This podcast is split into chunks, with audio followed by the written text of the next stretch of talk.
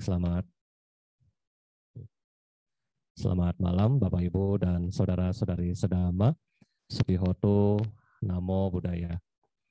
Dan pada kesempatan hari ini, uh, Bante ya berterima kasih karena Bante bisa berbuat baik bersama Bapak Ibu, berkumpul kembali bersama, dan juga melihat kita semua dalam keadaan yang sehat walafiat. Jadi ini adalah suatu berkah yang sangat baik yang kita bisa punya untuk hari ini. Dan kita tahu bersama bahwa ya setelah sejak awal, akhir-akhir Juni ya, Juni dan awal Juli kita melihat bahwa ya COVID di Indonesia ya sangat mulai naik. Dan banyak sekali mungkin sahabat-sahabat kita yang ya orang tuanya meninggal atau saudaranya meninggal dan seterusnya dan sehingga memang sangat membuat apa ya uh, kehidupan, terutama di kota-kota besar, mereka sangat penuh kekhawatiran, ketakutan, ya bahkan stres, bahkan terlalu um, apa bahkan ketemu orang itu sangat takut dan seterusnya. Jadi ini adalah hal-hal yang muncul karena pandemi yang sudah ada saat ini. Nah, sehingga bagaimana sikap kita sebagai umat Buddha menyikapi ini semua ya. Sama Bapak Ibu. Waktu sekarang Bante dari tanggal 2 Juli, Bante sudah di Manado. Jadi selama di sini kita juga usahakan untuk mendoakan sahabat-sahabat kita ya. Penambahan teman-teman kita yang meninggal itu dari lima orang sekarang sampai sekitar mungkin ada 50 sampai 60. Jadi begitu cepat dalam waktu hanya ya 15 hari ya dua minggu. Nah jadi Bapak Ibu um, ini tentunya menjadi sangat concern ya dan empati kita melihat bagaimana rumah sakit dan semuanya penuh dan kita juga di sini ya melihat ini semua ya bagaimana dhamma yang kita lihat ya. Nah, Bapak Ibu, dhamma adalah suatu kebenaran ya, kebenaran yang hakiki dan kebenaran ini tentunya um, kebenaran yang mutlak ya. Dan um, dhamma ini yang sudah Buddha ajarkan kepada kita diharapkan membawa kita semua untuk menuju pencerahan.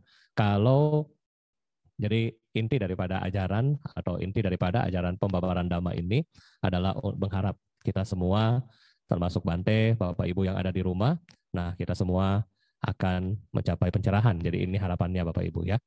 Nah, dari harapan ini kemudian timbul di dalam masyarakat ya berbagai macam pandangan, termasuk pandangan-pandangan yang muncul akibat dari uh, perbedaan kondisi loba dosa moha yang ada di batin setiap orang. Nah, jadi dari sini muncul pandangan masing-masing. Nah, ada yang menganggap positif, ada yang menganggap negatif. Tetapi saat ini Bante rasa lebih banyak yang suka negatif. Ya, jangan sampai positif. Ya, karena kalau positif nanti takut di karantina ya. Nah, jadi lebih banyak zaman saat ini semua lebih suka pada ah negatif, kalau positif takut ya. Nah, jadi ini. Nah, sekarang Bapak Ibu, dhamma apa yang kita bisa dapatkan dari COVID-19 ini ya? Banyak hal yang kita selama kita pandemi dari Maret sampai sekarang itu kita belajar banyak dan sebenarnya Bapak Ibu inilah saat kita menguji ya menguji seluruh teori dhamma yang sudah kita belajar kita juga menguji um, ya mungkin pengetahuan-pengetahuan dhamma yang sudah kita punya. Nah, di sinilah kita menguji. Karena Bandera yakin siapa pun yang melewati ujian ini, maka mereka bisa bertahan untuk ya di masa berikutnya. Tetapi bagi yang tidak bisa melewati ujian, ya tentunya mereka ya akan meninggalkan kita semua di saat ini. Ya, apa ujian-ujian ini Bante? Yang pertama adalah ujian bagaimana kita berpuas diri. Bagaimana kita berpuas diri ini yang ujian ini yang sangat-sangat susah. Ya, kita melihat kenapa kita begitu banyak yang jatuh korban karena semua merasa Bante sudah divaksin dua kali aman ya. Pergi ayo Bante pergi makan di mall dan seterusnya ya. Karena kita selalu merasa wah sudah aman sudah enteng ya. Merasa berpuas diri bahwa oh sudah vaksin itu sudah aman. Nah jadi ini adalah pandangan yang Nah, seperti ini kita bilang sisi yang keliru daripada kita ya. Kita gampang berpuas diri ya. Kenapa kita gampang? Karena Bante juga tahu bahwa Bapak Ibu sudah nggak sabar untuk liburan. Ya, sudah sekian lama nggak bisa ke mana-mana. Ya, dan inilah. Jadi ini akhirnya menjadi suatu pemicu. Jadi seandainya Bapak Ibu kita memiliki rasa, walaupun kita memiliki rasa berpuas diri yang tadi, kita harusnya tetap memiliki sifat pengendalian diri ya. Di dalam ajaran Buddha, pengendalian diri ini sangat-sangat penting. Sebagaimana Anda menyayangi semua makhluk, di situlah Anda mengendalikan diri kita sendiri ya. Pengendalian diri apa yang harus kita lakukan Bante selama uh, masa pandemi seperti ini? Anjuran dari pemerintah, kita sudah harus ya melaksanakan misalnya prokes, protokol kesehatan. Laksanakan Ketika kita melaksanakan ini, maka kita benar-benar mengendalikan diri kita ya. Agar kenapa? Kita sendiri nggak mau sakit. Ketika kita melaksanakan dengan baik maka kita juga melindungi orang dengan baik ya. Pengendalian diri saya rasa untuk kita di ajaran Buddha itu sudah sangat baik. Setiap kali kebaktian di wihara Bapak Ibu selalu okasa ahang bante permohonan sila Sila adalah dasar daripada kita mengendalikan diri kita Bapak Ibu. Sehingga ketika kita mampu melaksanakan sila dengan baik, harusnya kita juga mampu melaksanakan prokes dengan baik. Mana lebih susah? Anda bunuh, misalnya, Anda mau bunuh nyamuk, eh panatipata wiramani stika padang sama diami dah hafal, ya kan? Ketika juga Anda keluar rumah, Anda ingat, oh saya mesti pakai masker. Sekarang mesti yang double. Nah, jadi di situ kita punya namanya pengendalian diri ya daripada kita melaksanakan sila ini. Ya, belum yang lain ya, belum yang lain. Jadi sila Bante rasa kita sebagai umat Buddha sudah sangat susah untuk melaksanakannya dan Bante harapkan ketika Anda um, mulai ya patuhi prokes, Anda menjadi lebih disiplin. Dan Bante harap ketika Anda disiplin menjalankan prokes, besok-besok ketika keadaan sudah normal, Anda sudah mampu untuk melaksanakan sila dengan baik. Karena kenapa? Disiplinnya sudah dapat daripada menjalankan prokes. Karena kita takut sakit. Jadi kita takut untuk tidak menjalankan prokes. Sama Bapak Ibu, ketika kita takut bahwa kita punya kelahiran yang akan datang, akan jatuh di alam-alam yang tidak baik, maka kita juga berusaha untuk tidak lalai menjalankan sila. Jadi ini adalah yang kedua ya bagaimana kita berusaha mengendalikan diri kita ya diri kita sendiri. Nah, berikutnya selain kita berusaha mengendalikan diri kita, ya, ya terus terang kita tidak bisa mengendalikan orang lain. Ya, Bante nggak bisa bilang ke umat-umat, uh, misalnya umat-umat apa nggak boleh datang ke wihara, nggak boleh. Wihara rumahnya Buddha. Nanti kalau itu nanti dibilang wah Bante ini kita mau sembahyang nggak dikasih, masalah lagi kan.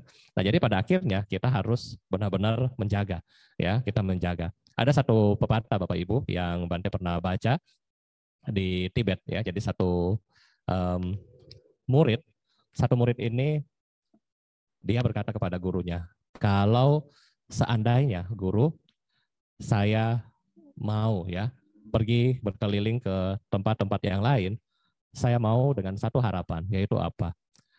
Harapan saya adalah semoga semua batu-batu yang ada di Tibet semua semak belukar yang ada di Tibet, semua apa mungkin yang apa tanda-tanda tandus yang berpasir dan seterusnya ada di Tibet, semoga mereka semua menjadi seperti permadani ya sehingga ketika saya jalan semua yang saya tapaki itu yang saya jalani itu adalah tempatnya sudah bagus. Kemudian guru yang bijaksana bilang kepada muridnya ya, kenapa kamu harus menunggu hal yang tidak mungkin? Bukankah ketika kamu pakai sendal atau kamu pakai sepatu, kamu bisa melewati itu semua? Nah, jadi di sini kita kembali kepada pengendalian diri harus mulai daripada diri kita sendiri.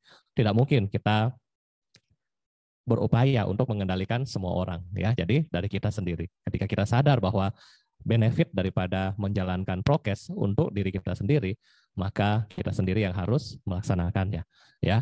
Berikutnya Bapak Ibu, eh, setelah mengendalikan diri, bagaimana di saat ini kita mulai ya, kita mulai berpikir kembali yang positif. Ingat berpikir yang positif, bukan hasil yang positif. Ya, jangan sampai hasil antigen Anda positif, tetapi pikiran kita yang harus positif ya. Pikiran kita positif adalah apa? Ketika kita berpikir yang positif, maka segala sesuatu akan membuat hidup Anda lebih baik. Karena pikiran adalah pelopor. Ya, pada ayat 1 dan 2 sudah menyebutkan bahwa pikiran ini adalah pelopor. Pikiran ini adalah pembentuk. Kalau orang berpikir yang baik-baik, maka akan mendapatkan yang baik. Sebaliknya, yang buruk juga mendapatkan yang buruk. Nah, jadi bagaimana kita berupaya untuk um, memulai dengan pikiran yang baik-baik, Bapak Ibu ya. Jadi berpikirlah yang positif, ya, berpikir yang positif. Apa pun yang kita punya di dalam hidup ini, itu adalah hasil dari karma kita. Sehingga hasilnya baik atau buruk itu adalah hasil yang pantas kita ya kita bilang kita syukuri ya. Jadi berpikir yang positif di sini kita apa ya jangan mudah stres, jangan mudah apa ya ketakutan, jangan mudah panik, ya jangan mudah apa kadang-kadang orang bilang kalau sekarang kita mungkin di sini apa keadaan yang sangat-sangat panik ya, sangat penuh ketakutan dan seterusnya. Ketika Anda berpikir positif, maka imun daripada tubuh kita juga akan lebih baik ya. Imun di dalam tubuh kita akan lebih baik. Imunnya lebih baik, maka penyakit juga ya apa tidak bisa datang ya. Jadi di sini kita melihat bahwa pikiran adalah hal yang baik dan kadang-kadang ketika kita melihat orang-orang yang sakit, kenapa mereka sakit? Karena kebanyakan ya sudah ini ya, maksudnya pikirannya apa terlalu negatif dan kadang-kadang mereka ya apa ya jadi pada sakit seperti itu. Nah berikutnya Bapak Ibu adalah kita perlu batin juga yang bersyukur ya umat Buddha jarang bersyukur. Kita perlu bersyukur. Kita bilang santuti ya. Kita perlu santuti atau rasa bersyukur. Apa pun yang Anda nikmati, apa pun yang kita punya, kita bersyukur.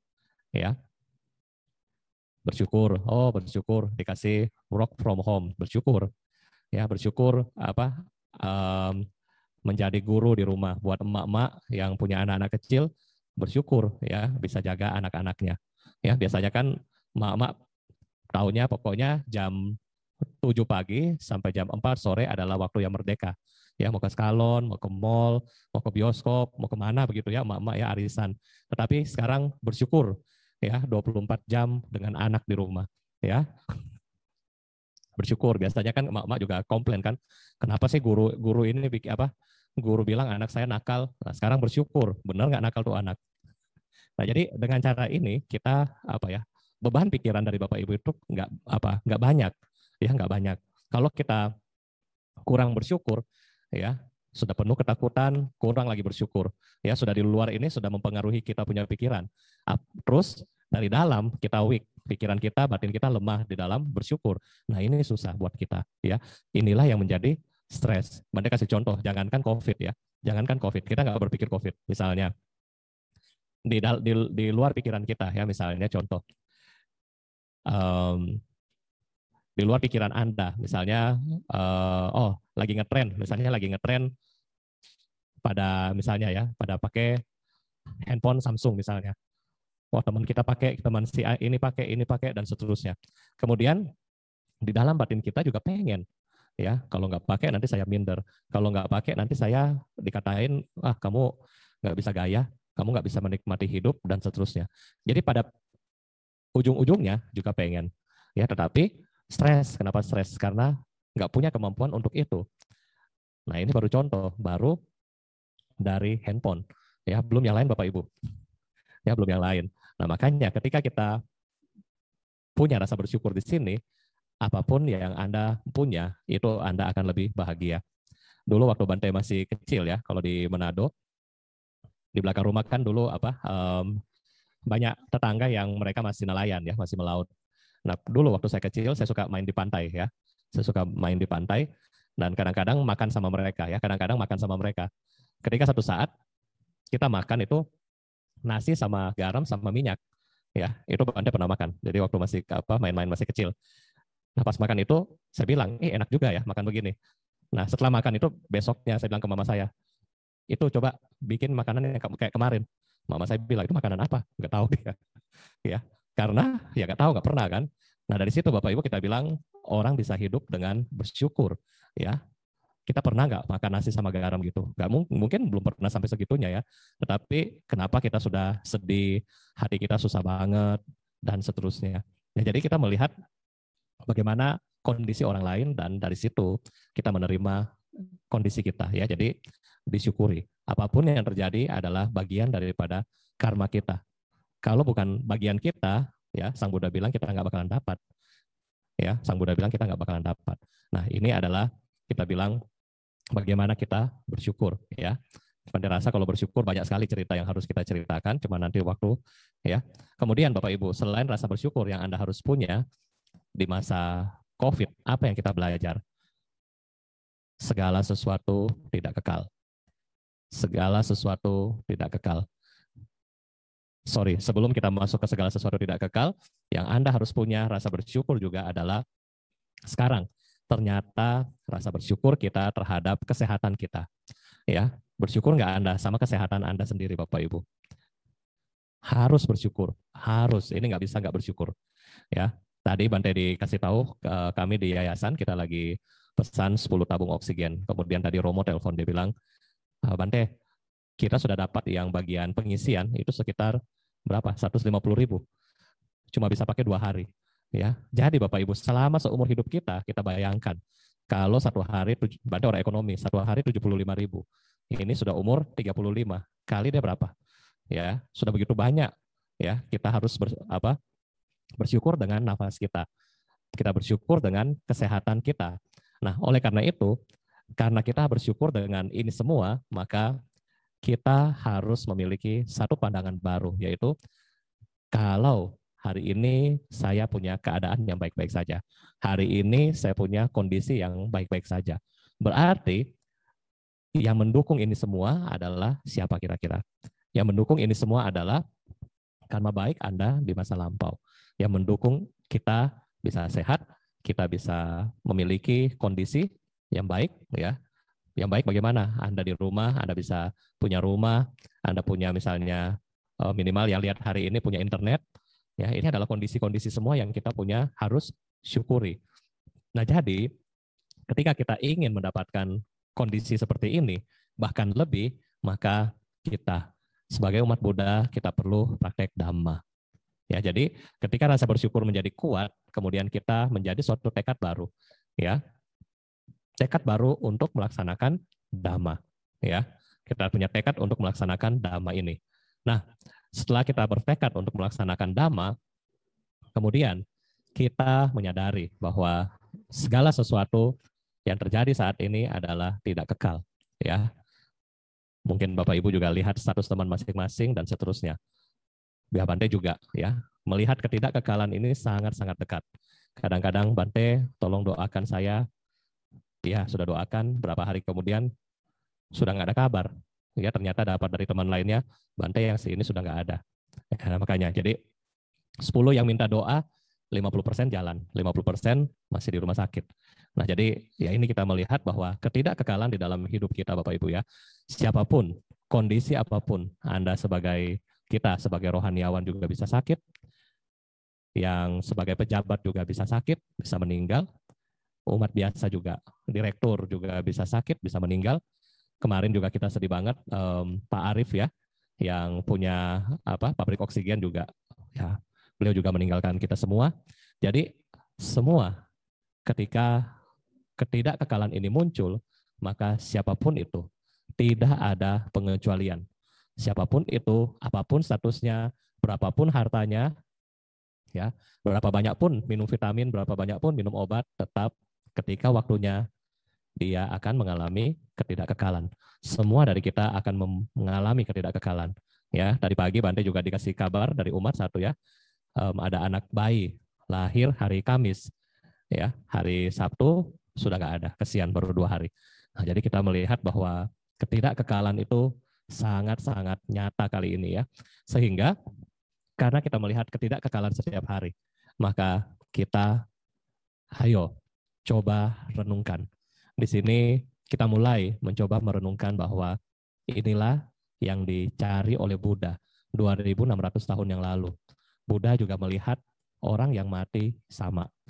Timbul di dalam diri sang uh, Siddhartha, sorry, Siddhartha, Pangeran Siddhartha waktu itu timbul pemahaman dan ketakutan bahwa saya pun akan mengalami hal ini dan bagaimana cara untuk menolong semua makhluk terbebas dari duka ini. Ya. Jadi Bapak Ibu, kita 2600 tahun kemudian saat ini berpikir kembali dengan sama seperti Pangeran Siddhartha waktu itu. Ya, kita semua akan mengalami penderitaan ini. Dan penderitaan yang kita akan dapatkan ya, tuh sakit tua dan mati ini adalah natural dari semua makhluk. Sekarang bagaimana cara saya melalui dhamma bisa melewati ini semua? Nah, di situ kita mulai merenungkan, menganalisa sehingga muncul suatu kekuatan tekad, suatu kekuatan yang menyebabkan Anda akan lebih intens, akan lebih semangat, akan lebih um, apa ya? ingin untuk melakukan praktek-praktek dhamma yang lebih baik. Nah, karena kita melihat bahwa apa yang bisa dibawa sekarang? Ya, nggak ada yang bisa dibawa. Ya, nggak ada yang bisa dibawa sekarang.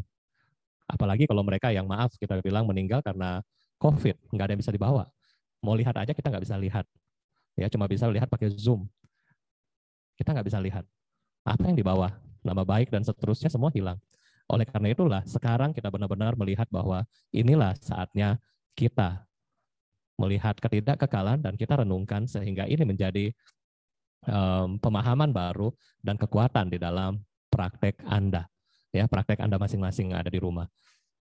Kalau kita hanya melihat ini, ketika Anda takut, Anda mengalihkan pikiran Anda dengan berpikir, ah sudahlah nonton drakor aja. Atau ah sudahlah nonton apa? BTS ya, apa tuh BTS kemarin sempat heboh. Bante lupa itu BTS apa ya. Atau ah daripada kita lihat-lihat COVID bosan Bante, lihat ini aja, lihat apa? Main PUBG atau main ML aja.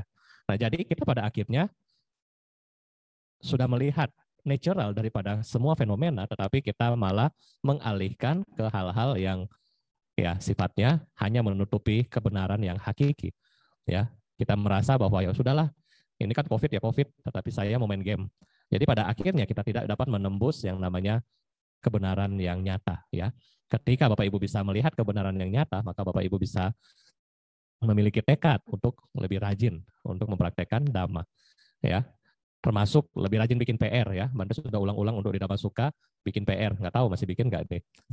Ya, jadi harus di situ. Nah, kemudian Bapak Ibu, setelah Anda melihat namanya ketidakkekalan ini, yang berikutnya adalah Anda sudah setelah Anda menganalisa, iya ya, Bante bilang tadi, segala sesuatu nggak kekal. Tetangga di kiri kena, tetangga di kanan kena, yang di belakang juga kena. Aduh, bagaimana ini ya? Yang di atas juga kena kalau rumahnya di apartemen. Bagaimana ini?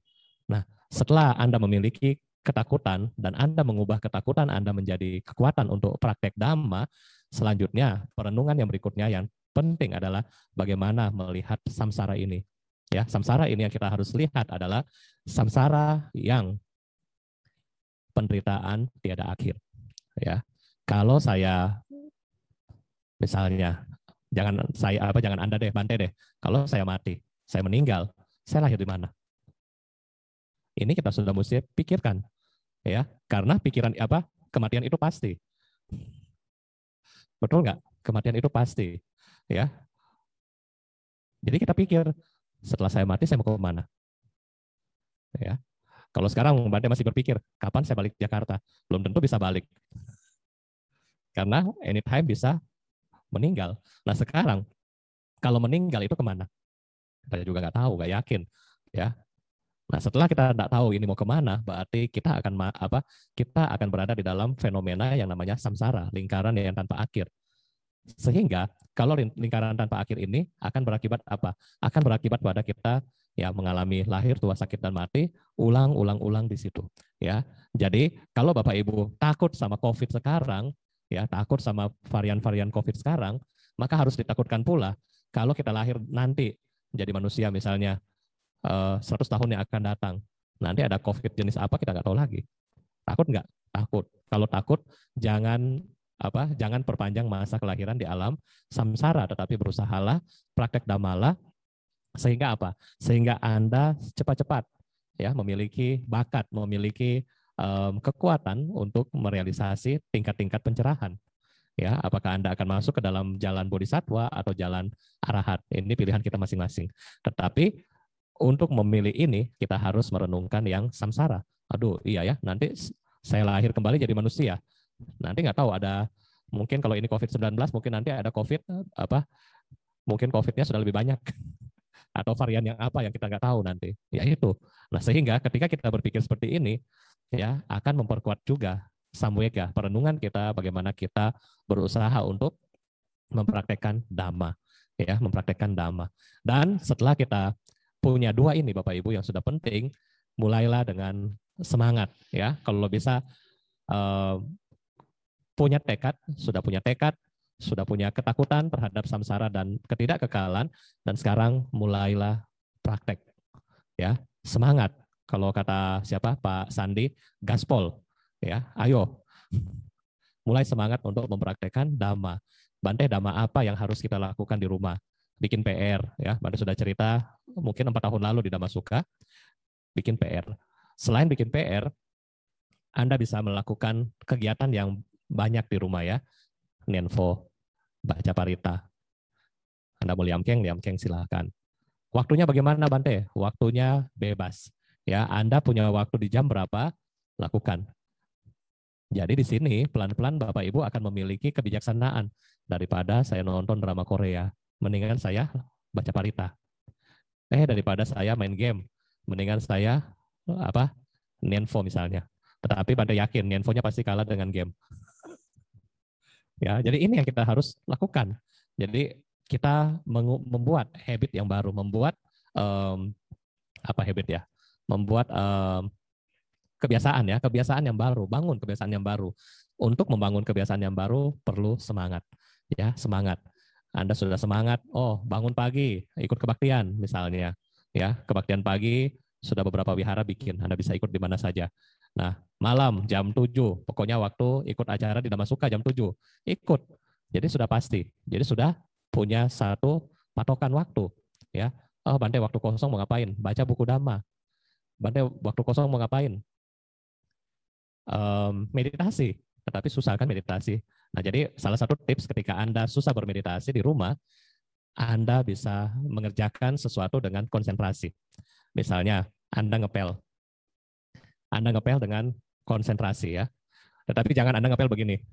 Kiri, misalnya ini Anda ngepel ya, kiri, kanan, kiri, kanan, itu dua jam nggak selesai. Maksud Bante adalah ketika Anda sedang mengepel, Anda sadari bahwa Anda sedang ngepel. Cuma itu. Jangan Anda sedang ngepel sambil pegang handphone. Ya, jadi kalau ketika Anda ngepel, Anda sadari Anda sedang ngepel. Jangan lakukan aktivitas yang lain. Selesaikan satu, masuk ke satu. Ini adalah bagaimana kita belajar menjadi fokus. Ketika Bapak Ibu sedang melipat pakaian atau melipat mungkin um, selimut dan seterusnya, Anda sadari Anda sedang melipat. Ketika Anda sedang makan, Anda juga sadari Anda sedang makan. Nah, jadi dari sini adalah praktek-praktek dhamma yang bisa kita lakukan daily life ya. Dulu waktu kami di wihara hutan, kami dikasih begitu banyak apa um, pekerjaan, tetapi pekerjaan ini dilaksanakan dengan sati ya ketika kita nyapu kalau bisa jangan banyak bicara nyapu ya memperhatikan arah sapu mata ke mana telinga dengar suara sapu lihat ke mana itu nah jadi cara-cara seperti ini anda bisa coba ya ketika anda nyuci ketika anda motong sayur dan seterusnya. Jangan motong sayur di depan di depan pakai tablet nonton YouTube. Ya, nanti salah potong ya nanti potong tangan. Nah jadi seperti itu. Kita konsentrasi di dalam pekerjaan itu sudah sangat-sangat baik ya. Itu adalah salah satu contoh bagaimana kita memperkuat sati kita. Ketika Anda punya waktu, Anda bisa memperkuat lagi dengan meditasi tradisional. Seperti tadi, kita duduk dengan rileks, atur postur badan, kemudian Anda memperhatikan objek meditasi. Nah, jadi Bapak Ibu, ini semua yang mungkin um, kita bisa, oh yang terakhir, yang terakhir adalah ketika Anda sudah susah bangun pengertian, Anda susah, sudah susah bangun pemahaman mengenai samsara dan anicca, kemudian Anda sudah susah-susah, semangat, satu yang kita biasa lupa. ya. Yang terakhir yang biasa kita harus ingat adalah disiplin dan konsisten. Semua orang berhasil harus punya disiplin dan konsisten. Jangan, oh Bante bilang semangat. Iya, saya semangat. Hari ini meditasi langsung. Pokoknya habis dengar ceramah Bante, semangat. Langsung meditasi. besok bangun bengong. Aduh, kok badan semua pegel. Ah, Bante bilang mau mencapai kebahagiaan. Bagaimana? Bukan bahagia, ini pegel seluruh badan. Ya. Nah, jadi ketika kita memiliki semangat dan segala macam ini, jangan lupa untuk kita berusaha, Bapak Ibu ya. Kita berusaha untuk apa? Kita berusaha untuk disiplin dan konsisten. Tanpa dua ini, bukan hanya praktek spiritual, tetapi sebagai orang duniawi, kalau nggak punya sifat disiplin, kalau nggak punya sifat konsisten, ya semua juga nggak akan sukses. Makanya dua ini juga harus kita punya. Dan semua yang Bante cerita tadi hanyalah ilustrasi, hanyalah suatu kesempatan, dan belum tentu ada manfaatnya kalau Bapak Ibu di rumah tidak melaksanakannya. Kalau Bapak Ibu hanya mendengar, 90% Anda lupa. Tetapi kalau Bapak Ibu melaksanakan step by step, maka 90% Anda akan ingat dan Anda punya experience di situ. Ya, jadi mungkin ini yang bisa Bante sampaikan buat malam hari ini. Bante kembalikan kepada moderator kasih atas kesempatannya. Ya, selamat malam Bante, Sotiatu Namo Buddhaya. Um, jadi begini Bante, uh, fenomena corona ini ya, COVID. Uh, jadi dari uh, anggaplah dari gelombang satu sampai sebelum pandemi gitu ya, itu kan uh, biasanya yang melatih diri gitu kan ke wihara paling seminggu sekali dua kali gitu kan. Ibaratnya uh, kemudian beraktivitas biasa, ya sehari-hari kan normal gitu ya. Tapi akhirnya uh, ya kesibukan juga uh, dan mencari kesenangan indrawi uh, duniawi gitu kan ya berjalan ya sebagaimana adanya. Tapi yang saya uh, terjadi pada saya gitu kan terutama pada gelombang kedua gitu. Jadi untuk apa ya um, merasakan bahwa kayak kesenangan indrawi dan juga duniawi gitu kan ya sebagai suatu samsara gitu kan. Apalagi dengan melihat proses anicca dukanata yang di depan mata gitu kan berlangsung setiap hari gitu kan. Jadi membuat saya untuk uh, melepas mencoba melepas itu soalnya kayak ada nibida gitu Bante kepada hal-hal duniawi. Jadi uh, setelah merasakan itu mulai kan uh, setelah meninggalkan akhirnya merasa lebih baik gitu. Kemudian uh, dengan uh, banyaknya dhamma desana yang didengar gitu kan, kemudian udah coba banyak uh, baca-baca buku dhamma gitu kan. Jadi akhirnya makin makin ya benar semangat gitu kan untuk uh, mencoba merealisasi nibbana gitu. Tapi uh, ketika ibaratnya mencoba merealisasi apa uh, jadi dari praktek dhamma gitu kan, terutama untuk misalnya meditasi misalkan gitu kan, ya dari samata mau ke coba ke wipasana, ada semacam kayak uh, paliboda gitu Bante. Jadi uh, paliboda ini sangat mengganggu ya. Jadi uh, paliboda paliboda yang terjadi dalam hidup saya tuh kayak ibaratnya tuh kayak menghambat kemajuan batin saya gitu. Sehingga uh, saya apa ya uh, kayak punya semangat gitu kan kayak terhalang gitu bahkan sampai apa ya sampai timbul pemikiran cetana gitu kan untuk menempuh jalan hidup uh, sebagai seorang samana gitu kan maksudnya uh, ibaratnya ada mulai ada timbul niat keseriusan gitu kan. Tapi istilahnya jika menyadari jika ibaratnya begini terus nggak ada kemajuan dalam batin gitu. Akhirnya ya agak bingung juga gitu dalam situasi sekarang gitu kan. Sedangkan juga misalnya contoh mau mati di lobby search contoh misalnya uh, mau pak aja juga kan lagi nggak ada program lagi uh, off gitu kan gara-gara covid gitu. Dan juga ya jadi istilahnya uh, dengan situasi seperti ini agak membingungkan buat saya gitu. Apa yang sebaiknya saya lakukan untuk saya lebih ya bisa konsisten disiplin gitu kan dalam menjaga uh, apa semangat ini gitu. Sedangkan ya Paliboda yang datang tuh tiada henti-hentinya gitu ya Bante. Mungkin uh, Bante bisa kasih saran gitu kan bagaimana menghadapi uh, Paliboda ya uh, yang terutama ketika kita ibaratnya ingin mengembangkan kemajuan batin tetapi gangguan-gangguan itu selalu muncul gitu. Sehingga ibaratnya disiplin dan konsisten kita terganggu gitu. Dan bagaimana kita bisa um, menjaga disiplin dan konsisten kita sehingga ya tidak tergoyahkan gitu Bante. Ya itu saja Bante. Terima kasih. Satu nama budaya. Ya baik. Nama budaya pertanyaannya bagus ya. Jadi um, bagaimana kita ya mau ngarah ke arah yang praktek spiritual yang lebih tinggi, cuma terjadi halangan-halangan batin. Ya, uh, kalau misalnya yang pertama dari Bante, ketika ya kamu mau punya satu tekad yang luhur, ya, ketika kita punya tekad yang luhur, maka pengganggu juga banyak. Ya, pengganggu juga banyak pengganggu di sini apa? Ya, bukan hanya uh, kita bilang marah ya. Marahnya itu datang di macam-macam. Ya, bukan hanya di dalam kesenangan indrawi diri kita sendiri, tetapi juga macam-macam. Ya. Dan penghalang-penghalang ini akan bersifat um, kita sampai mikir-mikir. Ah, kalau begitu udah lah misalnya saya mau pabaja tahun ini. Ah, enggak lah, tanggung. Nanti misalnya nanti mau dapat apa job di perusahaan tanggung lah dan seterusnya. Jadi pada akhirnya menunda, menunda dan menunda. Pada akhirnya kita nggak mencapai apa pun. Di dalam sisi karir duniawi juga gagal karena setengah-setengah hatinya kan. saya nanti eh mau tanggung nih, mau dapat bonus atau mau THR, nanti Pak Bajai ini jangan dulu, nanti aja. Tapi kerjaan juga sudah kurang. Kenapa? Karena fokusnya ke meditasi, tetapi masih mau kerja. Nah, jadi ini yang terjadi kan. Jadi terus bagaimana Bante? Kalau saya ya cut off ya, kamu mau pilih yang mana? Ya, kamu mau bahagia yang pendek atau panjang? Cut off aja. Ya, kalau Bante, saya mau pilih yang panjang karena yang panjang itu Pasti. Ya, semua yang kita kejar di dalam duniawi nggak pasti. Pasti nggak? Nggak pasti. Punya karir. Bahagia nggak? Punya karir bahagia nggak? Mau tanya nih. Ketawa. Belum tentu, Bante. Belum tentu kan? Bapak Ibu punya anak di rumah. Iya kan? Aduh, Bante. Kalau Bante nggak ada anak sih. Kalau saya punya anak, bahagia. Itu dulu. Coba sekarang 24 jam dengan anak di rumah. Waduh, luar biasa. ya, dan seterusnya. Jadi pada akhirnya kita bilang bahwa hidup adalah pilihan. Ketika kita mau memutuskan di spiritual, ya jalanin. Tetapi Bante kalau belum bagaimana? Atau mungkin Bante kita sudah punya keluarga, punya anak dan seterusnya. Bagaimana kita mau mengarah ke sana? Tipsnya satu ya. Waktu sebelum juga saya jadi Bante, saya juga sudah tanya ke mama saya, saya mau jadi Bante boleh nggak? Langsung dibilang enggak. Apa lantas saya bilang, oh ya udahlah kalau enggak ya udah. Enggak. Ya, ketika kita punya keinginan yang kuat, ya kalau kita bilang apa ya, ketika Anda bermimpi, mimpilah, tetapi realisasikanlah mimpi Anda. Ketika Anda punya keinginan yang kuat ke sana, bikin jalurnya, ya, bikin jalurnya. Jadi waktu walaupun saya waktu itu masih umat, bikin jalurnya. Jalurnya apa? praktek-praktek dhamma yang bisa kita laksanakan dari rumah, kita laksanakan. Contoh, Bante ingat dari SMA. Di sini nih, Bante di Manado. Di sini jarang ada Bante. Waktu saya ketemu Bante Kamsai, waktu itu Bante Kamsai belum bisa bahasa dengan baik ya.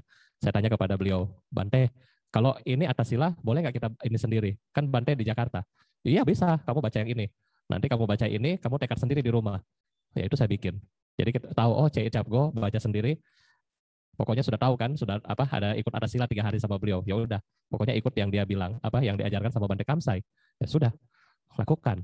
Jadi bikin jalurnya. Ketika mulai kuliah kita belajar dhamma banyak kita belajar dari guru-guru ya para Bante Pak Suhus Ayah Lama semua belajar. Kemudian juga um, kita sudah tahu bahwa kita pengen masih pengen ke sana tetapi belum punya uh, apa belum punya caranya belum punya karma baiknya tanam karma baik sebanyaknya ya. Berdana laksanakan tadi kan contoh sila. Meditasi, aduh kalau meditasi susah, ya sudah minimal sila sama dana diperkuat. Ini adalah poin lumayan ya. Sila sama dana diperkuat. Bagaimana kita um, melakukan apa ya uh, berdana. Ya, Bante pernah cerita mungkin kepada Bapak Ibu, dulu waktu saya kuliah, saya punya sisa uang 200 ribu. Dan 200 ribu ini setiap hari Kamis, ya Bante ingat, setiap hari Kamis, saya dari Binus itu naik angkot ke Bantewin ya, almarhum Bantewin di Menteng. Dan, dan setiap minggu budget saya 50 ribu, berarti setiap bulan saya nggak punya uang. Karena saya lakukan itu untuk saya berdana. Nah, jadi kita punya keyakinan ke sana karena kita tahu bahwa itu pasti untuk kita. Ya kan, kita menanam kebajikan untuk siapa? Untuk kita. Ngapain kita takut kita kehilangan kebajikan apa? Kita punya uang, kita punya materi tetapi kita tidak punya kebajikan. Ya waktu itu ya saya pikirnya simple. Saya punya dana dan saya punya kesempatan berbuat baik, saya lakukan. Karena kesempatan berbuat baik saya cuma hari Kamis. Waktu itu hari saya libur kuliah ya. Jadi saya pergi. Nah jadi um, ini kita buat ya ini kita buat kita belajar kita diskusi ini seperti ini sudah bagus anda diskusi dan kemudian pelan pelan um, apa uh, bikin karma baik yang lain ya zaman sekarang anda mau bikin karma baik lebih baik lebih banyak ya contoh berdana. Anda sekarang gampang sekali berdana. Di mana pun Anda bisa berdana. Ini yang pertama, dana secara materi. Yang kedua, ah Bante dana materi terus. Kita nggak punya materi gimana? Gampang. Anda yang nggak punya materi, Anda bisa punya tenaga dan waktu. Ya, Anda bisa punya tenaga dan waktu. Sekarang banyak teman-teman kita yang sakit, yang meninggal. Ada Zoom di A, di B, di C. Ikut baca parita buat mereka. Itu sudah pahala. Ya, pahala. Kita mendoakan orang yang lagi susah, itu bagus buat Anda. Kita mendoakan mereka yang lagi sakit, mereka yang lagi meninggal dengan hati dan motivasi yang tulus, itu sudah karma baik besar buat Anda. Jadi itu sudah dana. Jadi dana bukan harus Anda apa seperti saya dulu kasih duit atau berdana makanan enggak dana yang bisa kita lakukan kita berdana tenaga ya Anda menjadi pemimpin kebaktian seperti Ko Alex ya dia berdana bayangkan Dia dari rumah harus ke wihara, harus berkorban. Ya kan, di sepanjang jalan banyak virus, tetapi dia harus berkorban. Untuk apa? Berdana, waktu, dan tenaganya. Di wihara, supaya apa? Supaya bisa melaksanakan kebaktian pada malam hari ini. Tanpa Ko Alex, nggak bisa jalan. Nah makanya ini adalah contoh berdana yang zaman sekarang harusnya lebih gampang sekali kita dapatkan. Yang berikutnya adalah kita mendengar dan berdiskusi dhamma. Saat ini paling gampang. Kenapa? Di mana-mana online. Ya, kalau zaman dulu Anda harus dari wihara A, selesai dulu, tunggu macet, pergi lagi. Sekarang enggak. Begitu selesai, Anda tahu jam berapa kosong, Anda tinggal pindah channel, dapat. Jadi itu hal-hal yang kita bilang indriawi, kita nggak bisa lepas. Kita nggak bisa lepas. Selama ada mata, selama itu gangguan muncul. Selama ada telinga, selama itu dia muncul. Selama ada hidung, selama itu dia tetap memiliki gangguan kepada kita. Selama ada lidah, selama ada kulit, ini semua selama kita punya panca indera, dia tetap akan mengganggu kita. Nggak mungkin hilang. Tetapi ajaran Buddha tidak harus menghilangkan mata kita. Tidak harus memotong kuping kita. Yang kita harus sadari adalah kita sadar, oh saya lagi melihat. Kita sadar, kita lagi mendengar. Kita sadar, kita lagi makan. Makan enak, makan gak enak, sadar. Ya, kalau lagi makan enak, oh syukur masih berasa, belum positif. Makannya asin, oh syukur masih masih masih belum positif. Nah, jadi semua ini kita akan masih ada sama kita 24 jam. Jadi caranya cut off bagaimana? Sadar, aware, meditasi. Nggak usah meditasi dulu, sadar aja. Begitu Anda lihat muncul langsung rasa suka, rasa apa mungkin sensasi um, rasa suka misalnya. Sadar, eh ngapain sih? Udah nggak usah. Mendengar lagu, misalnya hari ini banyak yang atas sila. Mendengar, eh lagu misalnya lagu apa ya, gereja tua misalnya. Lagu tempo-tempo dulu kan, oma-oma biasanya. Eh dengar, tapi sadar cepat-cepat, eh iya hari ini saya atas sila, nggak boleh dengar, stop Nah, jadi itu Bapak Ibu ya. Jadi dengan cara ini kita punya kesadaran kita tidak perlu membuang panca indera kita ya. Jadi mungkin ini jawaban Bante. Terima kasih. Terima kasih Bante Anumodana. Ini ada pertanyaan dari Facebook ya. Di pertanyaan ya. ini ada yang mau tanya mengenai manfaat atas sila. Jadi Bante langsung baca aja ya. Iya Bante. Ya, jadi ini ada yang bertanya, Bante, saya mau tahu apa manfaat atas sila. Ya, jadi Bapak Ibu, eh, manfaat dari atas sila ini apa sih? Kalau secara gamblang, ya secara biasa-biasa, atas sila itu adalah bagaimana kita um, menyadari bahwa atas sila ini adalah praktek daripada arahat di zaman yang lampau. Ketika para arahat mereka mencapai tingkat kesucian, mereka juga melaksanakan atas sila. Nah, sehingga ketika saat ini kan kita juga mau menjadi mencapai kesucian seperti mereka, maka tidak salah kalau kita juga melaksanakan atasila. Ya, jadi ini yang pertama, para arahat melakukan ini semua. Yang berikutnya, ketika Bapak Ibu melaksanakan sila, apa yang Buddha bilang? Bukan hanya atas sila ya, apa yang Buddha bilang? Silena sugating yanti. Siapa pun yang melaksanakan sila, mereka bisa terlahir di alam surga. Ya, ada satu cerita tapi Bante rasa waktu hmm, nggak tahu sampai jam berapa takut kelamaan kalau cerita lagi ya. Jadi ketika orang melaksanakan sila, mereka bisa lahir di alam surga. Ya, yang kedua, silena boga sampada. Siapa yang melaksanakan sila, maka mereka memiliki eh, kekayaan, kesejahteraan secara duniawi yang cukup. Bante kasih contoh, misalnya Bapak seorang pedagang, ya, dan seorang pedagang sangat tekun melaksanakan sila terutama sila keempat misalnya. Ketika orang tanya, kok ini barang asli atau palsu? Anda bisa kasih ajar, oh ini yang asli, ini yang misalnya ini KW, harganya sekian. Kalau kamu ada budget lebih, kamu beli yang asli, harganya beda sedikit, sekian. Nah dari situ orang akan percaya sama Anda dan akan tahu, oh kalau mau beli uh, barang yang asli, cari toko itu karena dia jual dan dia kasih tahu ini yang asli, ini yang enggak. Nah sehingga dari situ secara kesejahteraan duniawi Anda bisa tercukupi. Ya. Berikutnya, silena nibuting yanti. Dengan pelaksanaan sila yang baik, maka akan menyebabkan realisasi daripada nibana. Jadi tiga ini adalah manfaat dari kita melaksanakan sila di dalam kehidupan kita sehari-hari. Kalau Bapak Ibu sudah tahu bahwa tiga ini top chair, maka semangat jalanin sila. Ya jangan uposata aja. Ya, kalau pusata itu Bante yang promosi ya, ayo apa, ayo melaksanakan sila. Jadi Anda sudah berusaha sekarang kan satu satu bulan empat kali. Kalau dulu kan enggak. Jadi kalau sekarang satu bulan empat kali Anda sudah ingat, oh besok kata sila sudah siap-siap. Ya. Nah jadi kalau Bapak Ibu kita sadar bahwa silenas apa bisa membawa Anda lahir di alam surga, bisa membuat Anda sejahtera di kehidupan ini, dan bisa menjadi sebab untuk tercapainya nibana, bebas dari samsara, Kenapa kita melaksanakan hanya hari uposata? Ya harusnya setiap hari dong. Ya terima kasih. Ya baik, uh, pertanyaan yang terakhir ya, ini ada pertanyaan mengenai, oh masih ada dua pertanyaan ini kok di Facebooknya Panyasika. Ya pertama adalah kalau misalnya lagi menjalani atas sila, apakah boleh menyanyikan lagu Buddhis ya? Jadi ketika kita sedang melaksanakan atas sila, uh, Ya, kalau kita yang strict, ya, ini kembali lagi kepada kebijaksanaan masing-masing. Tetapi kalau yang strict biasanya enggak ya.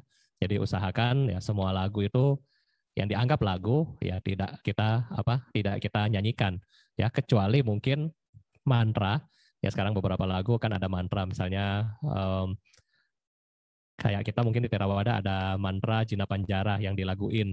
Nah kalau yang seperti itu kita bisa ikut tetapi bukan dinyanyikan tetapi hanya ikut uh, mengingat di dalam batin kita oh ini parita yang Jina Banjon yang kita pernah baca. Nah ikut seperti itu boleh ya. Tetapi kalau kita mengikuti sampai ke melodi nah itu sih kalau bisa ya kita masih hindari ya. Ini kalau yang strict. Tetapi kalau yang biasa-biasa pandangan bahwa ini juga suta dan seterusnya ya nggak apa-apa kalau anda mau apa uh, mendengarkan ya. Mendengarkan bukan ikut menyanyikan. Hanya mendengar it's okay ya. Terima kasih Apakah Dan pertanyaan yang terakhir ya, Ko Alex ya. ya. Ini ada dari Pak Santo. Kalau misalnya saya function lele, ya kan, apa tidak boleh makan lele, ya? Oke. Baik, ya, jadi ini apa? Kalau function lele, apakah kita tidak boleh makan lele? Ya, Bapak Ibu, biasa ini adalah pandangan ya. Dari dulu juga Bante apa ya? Kalau dulu kita mau function, biasanya dikasih tahu sama orang-orang tua, udah jangan kamu masih muda jangan function itu. Kita biasa tanya, kenapa? Nanti seumur hidup lu nggak bisa makan. Ya jadi kalau dibilang function apa lele seumur hidup nggak bisa makan lele. Function apa dulu ya? Burung nggak boleh makan. Misalnya kan uh, soalnya begini di Manado semua dimakan. Ya kalau bapak ibu tahu di Manado ini semua dimakan. Yang tidak dimakan, yang berkaki empat itu hanya kursi dan meja. Selain itu dimakan. Nah jadi apa? Dipesan sama orang-orang di sini, jangan jangan function. Kalau lu function nanti apa ya? Besok-besok nggak bisa makan lagi. Nah, kalau menurut Bante pribadi, ya nggak apa-apa Pak, Anda mau function, function aja. Ya, urusan Anda mau makan lagi nggak masalah. Kenapa? Ketika Anda function, ya misalnya Anda berdana apa? Misalnya dengan budget yang sama, kita berdana ketika function misalnya 100 ribu, itu bisa dapat lele sekitar mungkin 4 kilo, 5 kilo ya. Satu kilo lele sekitar 5 ekor. Berarti kalau 5 5 kilo, Anda melepas 25 ekor. Oke, ketika Anda makan pecel lele dengan budget yang sama, 100 ribu, paling kita dapat lelenya dua apa tiga. Jadi masih cuan kita function. ya. Daripada Anda nggak function, Anda nggak selamatkan 25. Tetap Anda juga toh masih makan, tiga. Mendingan Anda function, 25 terselamatkan, Anda masih pengen makan, Anda makan lagi yang tiga, masih untung 22. Nyawa masih selamat. ya. Jadi nggak masalah. Anda mau makan sambil function, nggak masalah. Lama-lama muncul rasa welas asih. Yang welas asih ini muncul akibat kebiasaan kita, ya habit kita, kebiasaan kita. Kita sering function, muncul kebia apa cinta kasih. Pada akhirnya kita akan merasa, eh kan kasihan kemarin saya baru lepas. Nah dari situ muncul tekad untuk nggak makan pecel lele lagi. Nah itu adalah tekad masing-masing dan membutuhkan waktu pelan-pelan di dalam batin bapak sendiri. Ya jadi Uh, kalau dari Bante secara ekonominya tadi aja ya Pak ya, 100 ribu Anda dapat 25, dengan 100 ribu Anda makan cuma tiga. Jadi masih cuan, 22 masih selamat. Ya, terima kasih. Bante ini ada pertanyaan yang baru masuk. Saya bacakan ya Bante. Ya, silakan. Selamat malam, Namo Budaya Bante. Apakah saat menjalankan atas sila kita boleh nonton YouTube untuk belajar bikin kue atau roti? Terima kasih Bante. Ya, baik. Jadi kalau misalnya Bante kita lagi atas sila, boleh nggak bikin kue dan seterusnya. Nah, jadi Bapak Ibu yang ya, ketika Anda melakukan atas sila, di hari Uposata, ya kan? Nah, hari ini misalnya seperti hari ini, Uposata itu satu bulan empat kali ya. Tanggal 1 lunar, 8, 15, 23. Hari ini juga termasuk Uposata. Tetapi Uposata yang kecil, Uposata besar nanti ya, Uposata 15 nanti tanggal 24 sekalian dengan um, Asada ya. Nah, jadi Uposata itu ada kenapa sih dibikin Uposata? Karena um, Uposata itu adalah hari yang spesial, di mana hari yang spesial ini dianjurkan umat-umat itu untuk berlatih dirinya. Ya biasanya di negara-negara Buddhis um, hari ini seperti dibilang hari kebaktian. Biasanya umat-umat akan datang ke wihara dari pagi, mereka melaksanakan sila ya sampai malam dan kemudian mereka pulang ke rumah masing-masing. Jadi dari pagi sampai sore itu di wihara. Ya, kadang-kadang kalau wihara yang punya tempat tinggal, mereka akan menginap di wihara. Nah, di dalam wihara apa yang mereka lakukan? Mereka ikut seperti one day mindfulness, ya, baca parita, meditasi, uh, meditasi duduk berdiri seperti itu ulang-ulang ya sampai sore. Nah, um, jadi ketika kita sedang atas sila, ya terutama yang mungkin hari di hari uposata, jadi kalau Bante sarankan Anda punya kesempatan untuk berlatih, laksanakan dengan baik. Ya, maksudnya Ketika kita sudah beratas sila, memiliki tekad yang baik, itu sudah bagus. Ketika kita menjalankan dengan baik, juga bagus.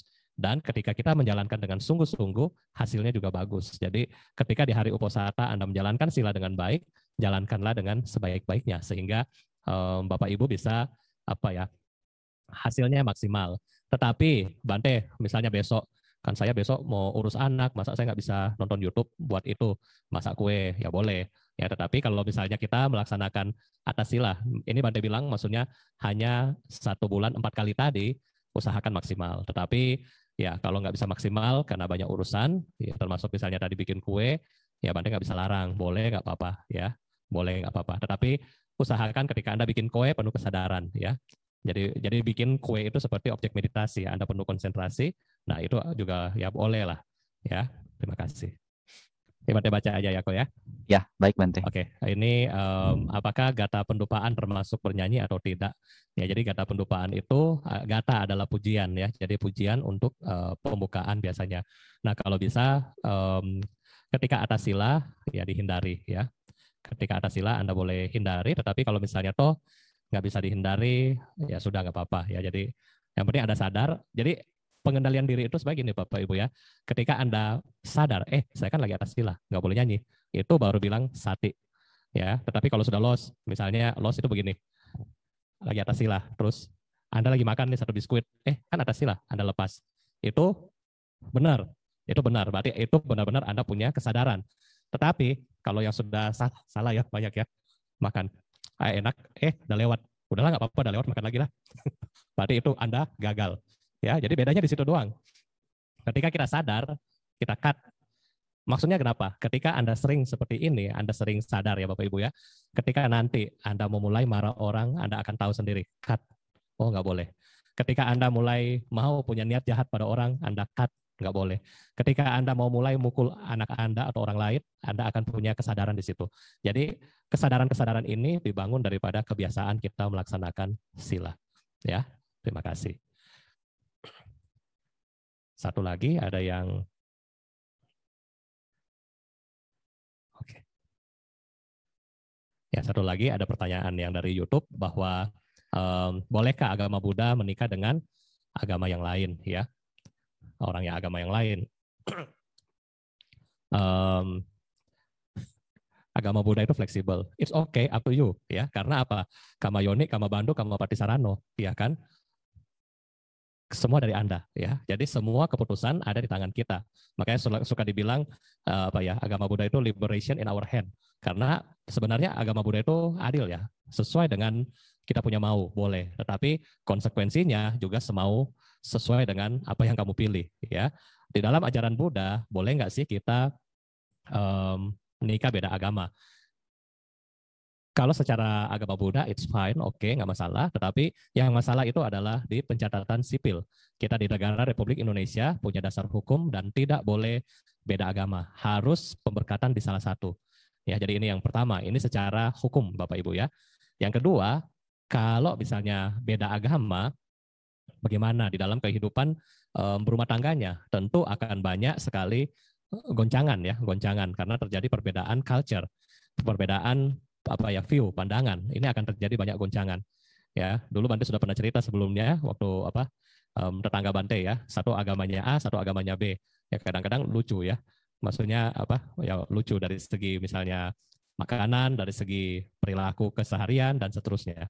Nah, jadi uh, Buddha bilang kalau mau pernikahan yang bahagia itu ada empat sama ya, sama sada, punya keyakinan yang sama. Yang kedua, sama jaga, punya kemurahan hati yang sama, sama um, sila ya moralitas yang sama, sama panya, punya kebijaksanaan yang sama. Anda bayangkan kalau uh, jangankan beda agama ya, sama-sama Buddhis. Satu Buddhis yang vegetarian, satu yang non vegetarian. Itu sudah repot. Misalnya Anda mau pergi makan di mana, ya nanti akan bilang, Laupo jangan apa, jangan makan daging ya nggak boleh. Lauponya bilang, iya lu juga jangan makan tahu ya nggak boleh. Nah itu udah repot. Sama-sama Buddhis, satu vegetarian, satu enggak, bukan agama, ya sudah pusing. Sama caga, suami royal dalam hal berdana, istri juga royal dalam beli tas, beda. Ya kan? Pasti juga berantem itu. Lopo, jangan beli tas terus. Dia juga akan bilang, lu juga jangan berdana terus ke wihara. Nah itu, pusing juga. Sama sila beda. Satu suka bunuh semut, satu nggak boleh bunuh semut. Nah itu sudah beda. Sama kebijaksanaan. Jadi Bapak Ibu, sama kebijaksanaan misalnya. Yang satu rajin ke wihara untuk berbuat baik, ya satu malas ke wihara. Jadi empat ini aja, yang sama agama aja sudah susah. ya Apalagi beda agama. Nah itu itu pasti akan ini ya agak susah ya di dalam keharmonisan rumah tangga ya. Jadi mungkin ini yang bisa Bante sampaikan karena waktu kita sudah malam dan um, di dalam masa COVID-19 ini ya dhamma yang sudah Anda dapatkan coba kita praktekkan di dalam kehidupan kita setiap hari ya dan sebagai umat Buddha mari kita bersatu bersama-sama kita berbuat baik di mana pun ada Anda dapat share Anda dapat kesempatan, ada baca parita, Anda berbuat baik untuk orang yang sakit, orang yang meninggal, kita memberikan support kepada mereka. Ya, semoga dengan support Anda, keluarga yang ditinggalkan, keluarga yang sakit menjadi semangat kembali dan juga mungkin yang meninggal, mereka juga dapat terlahir di alam bahagia. Karena kenapa? Karena yang mendoakan orangnya baik. Yang mendoakan orangnya memiliki sila. Mana lebih kuat? Bante doa sendiri atau 100 orang berdoa sama-sama untuk para almarhum. Apalagi 100 orang punya sila semua. Lebih hebat mana? Kalah Bante sendiri kan. Jadi kita sama-sama harus bersatu untuk berbuat baik di dalam COVID ini. Di dalam praktek dhamma, Anda tingkatkan praktek dhamma Anda, karena setiap dari praktek dhamma Anda, Anda akan mendapatkan kebahagiaan sendiri. Kebahagiaan di dalam praktek dhamma bukan cuma kaya, bukan oh saya sering berdana makanya saya punya rumah besar. Bukan cuma itu. Tetapi praktek spiritual kita mampu menerima semua kondisi, kita mampu menerima semua perubahan, dan kita juga mampu menerima karma kita sendiri, apakah baik atau buruk. Itulah hasil dari tingkat spiritual yang tertinggi. Sehingga kalau Anda mampu menerima ini semua, Anda menjadi orang yang damai, santai, harmonis, ya. Setiap hari bahagia, nggak stres, nggak sakit kepala, apa nggak suka bilang apa setengah mati dan seterusnya ya. Karena anda tahu bahwa semua yang anda lakukan sudah baik adanya. Ya mungkin ini yang bisa Bante sampaikan. Selamat malam dan Bante kembalikan kepada Alexander. Terima kasih